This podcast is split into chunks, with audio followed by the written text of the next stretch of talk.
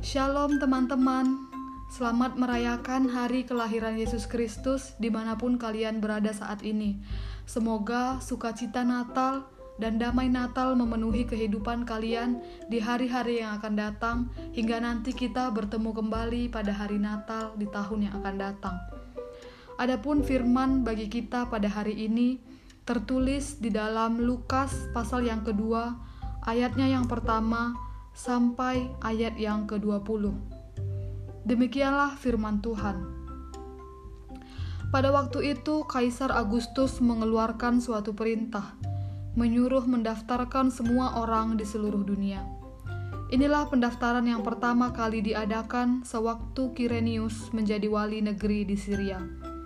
Maka pergilah semua orang mendaftarkan diri masing-masing di kotanya sendiri Demikian juga Yusuf pergi dari kota Nazaret di Galilea ke Yudea, ke kota Daud yang bernama Bethlehem.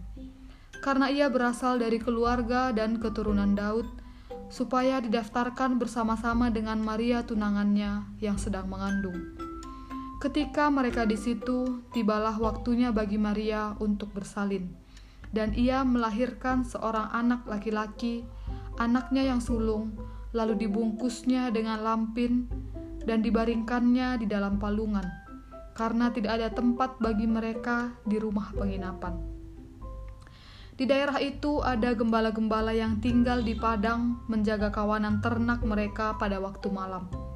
Tiba-tiba berdirilah seorang malaikat Tuhan di dekat mereka, dan kemuliaan Tuhan bersinar meliputi mereka, dan mereka sangat ketakutan.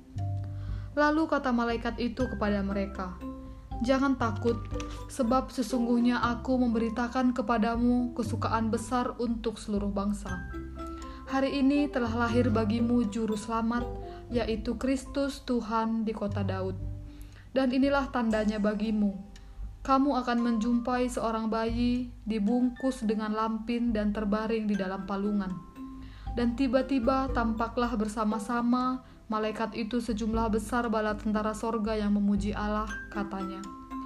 Kemuliaan bagi Allah di tempat yang maha tinggi, dan damai sejahtera di bumi di antara manusia yang berkenan kepadanya. Setelah malaikat-malaikat itu meninggalkan mereka dan kembali ke sorga, gembala-gembala itu berkata seorang kepada yang lain, Marilah kita pergi ke Bethlehem untuk melihat apa yang terjadi di sana, seperti yang diberitahukan Tuhan kepada kita. Lalu mereka cepat-cepat berangkat dan menjumpai Maria dan Yusuf dan bayi itu, yang sedang berbaring di dalam palungan. Dan ketika mereka melihatnya, mereka memberitahukan apa yang telah dikatakan kepada mereka tentang anak itu. Dan semua orang yang mendengarnya heran tentang apa yang dikatakan gembala-gembala itu kepada mereka. Tetapi Maria menyimpan segala perkara itu di dalam hatinya dan merenungkannya.